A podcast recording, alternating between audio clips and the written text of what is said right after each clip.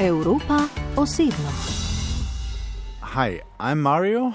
I'm the founder of Trees of Memory, and since five years, I'm hiking around the world and planting trees of memories for suicide victims. Mario Deringer je berlinčan, delal je kot televizijski novinar in snemal dokumentarce med Čilom in Antarktiko, bil je tudi predavatelj na različnih medijskih fakultetah v Nemčiji. Well, I describe it always as my big, colorful life, which was more. Uh, Sort of a playground, yeah. I never felt that I would go to work. Svoje življenje vedno opišem kot veliko in maurično, kot neke vrste igrišče. Nikoli nisem s težavo odhajal v službo. Imel sem se za srečneža, ker sem imel službo na televiziji, saj je bila to velika pustolovščina. Hkrati pa tudi veliko dela. Moji delovniki so bili dolgi tudi po 20 ur, če sem snemal dokumentarce več tednov in mesecev. Takrat sem res delal po cele dneve, a vseeno to ni bila mučna služba, bolj darilo univerzuma. A po 20 letih televizijskega novinarstva sem se utrudil, ne dela, ampak delovnega okolja in slabše kakovosti, takšne reči. Tako da res ne želim več biti del te industrije. Of the TV stations and the the less quality and uh, all those things. Yeah? So I really don't want to be part anymore or taking part anymore of this business. V tistem obdobju se je začela izražati njegova 30-letja trajajoča depresija, ne povezana z novinarskim delom.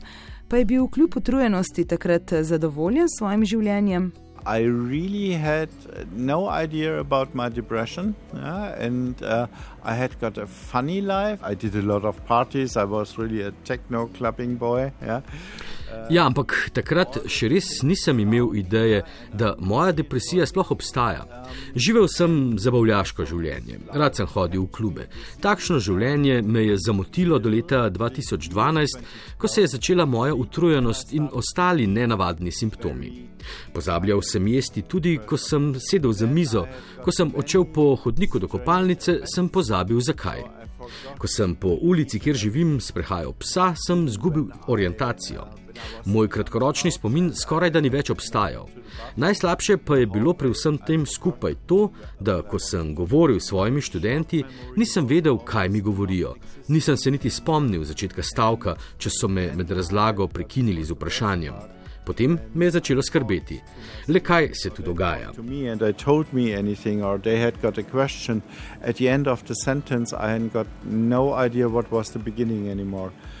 and um, and then I worried, yeah, and then and then I thought, okay, what, what's going on here? Naredil je tipično napako in za svoje stanje povprašal Google, ki mu je diagnosticiral zgodnjega Alzheimerja.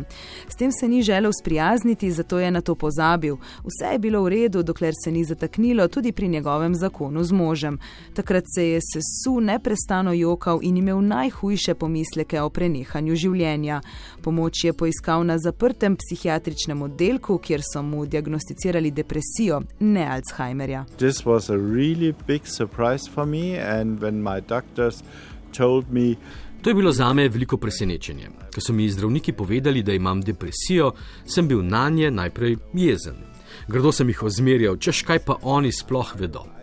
Jaz sem pa ja kralj zabav, sonce, jaz sem Marijo, jaz nimam depresije. Sedel sem v bolnišnici in jokal in se začel zavedati, da je nekaj pa vendarle narobe. Zdravil sem se štiri mesece, potem sem lahko odšel domov. Seveda sem še vedno hodil na tedenske seanse. I uh, got out of hospital and then the treatment continued with seeing every uh, week once or twice Po dveh letih od hospitalizacije se je njegovo počutje zopet poslabšalo tako zelo, da so ga oživljali. Preživel je in se ponovno postavil na noge. Takrat je živel z drugim partnerjem, ki pa je tudi sam imel depresijo. Pozneje je partner storil samomor in to je v Mariju vzbudilo nova razmišljanja o tem, da bi končal svoje življenje. To be honest, the only thing which kept me back was this idea that I was rescued after my first suicide attempt. I was already. Če sem iskren, je bila edina stvar, ki me je držala pri življenju, dejstvo, da so me enkrat že rešili. Ponovno so me vrnili v življenje. Nisem veren, ampak vseeno menim, da mora biti za tem razlog. V tem obdobju sem imel neprestano okoli sebe prijatelje, ki so zame skrbeli štiri tedne. A še pol leta po partnerjevi smrti sem se počutil naravnost grozno. Mislim, da predpisana zdravila niso dobro učinkovala. Pojedel sem več tablet kot kdajkoli prej, kadil sem toliko kot še nikoli. To je bil res najbolj, najbolj grozen čas mojega življenja. I was smoking like never before, and it was the most, most, most terrible time in my entire life.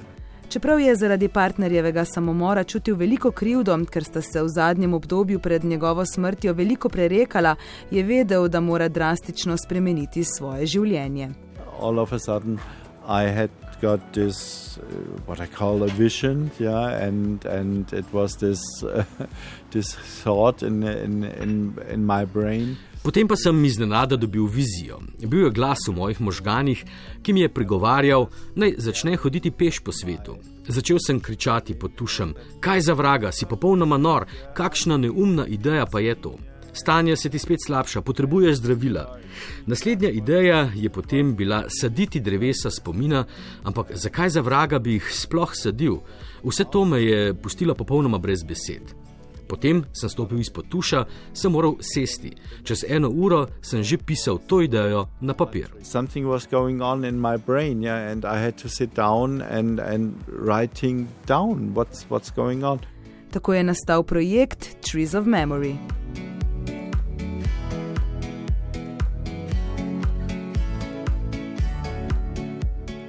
So far I had got uh, nine countries, more or less. Yeah, I had got German, I had got just a tiny little bit of Poland, then uh, Switzerland, um, Austria. Po petih letih sem obiskal približno devet držav. Bil sem v Nemčiji, malo tudi na Polskem, pa v Švici, to leto še v Avstriji, na Slovaškem, potem na Mačarskem. Trenutno hodim od severne do južne Slovenije, pot bom nadaljeval v Italijo. Konec oktobra načrtujem, da bom že v Bologni. Do aprila bo na to sledil zimski počitek, na to bom prišel nazaj do Mačarske in pozneje Slovenije, kjer so ljudje že naročili drevesa, ki jih bomo aprila skupaj posadili. Na to bom svojo pot nadaljeval do zadnje točke, kjer sem obstal pred zimo, pa do južne Italije. Za naprej pa ne vem, levo ali desno, okoli sveta. Uh, next April, and then I forward my hike from continuing from Bologna to the south of Italy, and then I'm not sure if left or right around the world. Sabo na poti ima posebej prilagojen električen voziček oziroma kolo, saj njegova prtljaga tehta približno 100 kg. Šotor, termov kalonci, veliko juh iz vrečke, hrana za njegovega psa Tirjona, ki potuje zraven njega, oblačila in ostali najnujnejši pripomočki. Njegova pot se prilagaja krajem, kamor ga ljudje povabijo, da tam posadijo drevo v spomin na žrtev samomora ali zgolj klepetajo o izkušnjah z duševnim zdravjem. I can tell them things about how to see life. Pogovarjamo se o tem, kako na življenje gledati drugače, iz druge perspektive, kako ga tudi zavestno spremeniti. Veliko ljudi samo poglablja svojo depresijo. Pomagam jim s tem, da delim svojo zgodbo in odločitev, da bom živel. Gre nekako za mešanico pogovora, ki temelji na mojih izkušnjah, in terapevtskega pogovora, čeprav nisem terapeut. Imam pa, kako bi temu rekel, prednost, ki je nima noben terapeut. Izkušen sem v tem. Veste, moj terapeut je veliko krat rekel, da me razume, kako se počutim. Jaz pa sem se zadrl nazaj na češ, ne, ti res nimaš pojma, kako je. Ti nisi bil na robu smrti, ti nisi trpel zaradi tega, ker si nekoga izgubil, tudi pri depresiji. Tako kot jaz nimam pojma, kako je, če si zlomiš nogo. Nikoli si še nisem zlomil nobene kosti. as I don't have got any idea how it feels if you break a leg. I never broke a bone in my life. V Sloveniji opaža še en problem: tišino, depresiji in samomoru. O tem se tu ne govori. But if you are not talking about what most of the people here in Slovenia do. I experienced this on the road. O tem večina ljudi ne govori. To sem opazil ob cesti. Tudi če ste slovenci videli moj znak, niste prišli do mene, da bi se o tem pogovorili. Rekli ste, ja, dobro delo upravljaš, do globih vprašanj pa sem moral priti sam. Spraševal sem vas, če ste kdaj že imeli izkušnjo z izgubo osebe zaradi samomora. Veliko vas je reklo, žal, da ja. To je res nočna mora, a nihče tukaj ne govori o tem. To je sporočilo za vas, saj ste drugi v svetovnem merilu glede na število samomorov na prebivalce. Če družba ne govori o samomoru, potem tudi ljudje nimajo priložnosti govoriti o tem about a topic like suicide, then people don't have got the chance to talk about it. Marju so do boljšega duševnega zdravja pomagale tri stvari: psihiatrična pomoč, zavedanje lastnih sprožilcev depresivnega počutja in predpisana zdravila. Depressants are not a drug. Many people think this is like ecstasy. Yeah? Antidepresivi niso droga. Veliko ljudi misli, da imajo enako sestavo kot ekstazi. Ni res. Če imaš depresijo, to spremeni kemijsko sestavo tvojih možganov. Nihče ne ve, zakaj se to zgodi, nihče niti ne zna tega razložiti. Vemo pa, da se to zgodi. In seveda, iz možganov ne moremo vzeti tekočine in narediti testa, kaj manjka, da bi se bolje počutili. Poizkusiti moramo z različnimi zdravili, dokler ne najdemo ustreznega. Takega, ki nam da nazaj to, kar nam je manjkalo. Serotonin, recimo. Potem pa moramo spremeniti življenje, spremeniti življenjski slog, ki nas dela bolne. And so this combination is really very important. And then change your life. Change the lifestyle which makes you sick.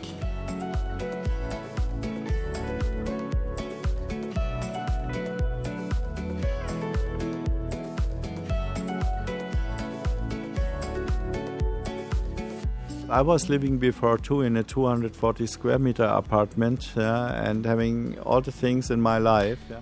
Prej sem živel na 240 kvadratih in imel vse stvari, ki bi si jih lahko zaželel. Zdaj po zimi živim v stanovanju s 14 kvadrati in sem srečnejši kot kdajkoli. Res vam polagam na srce. Spremenite to, kar vas spravlja v slabo počutje.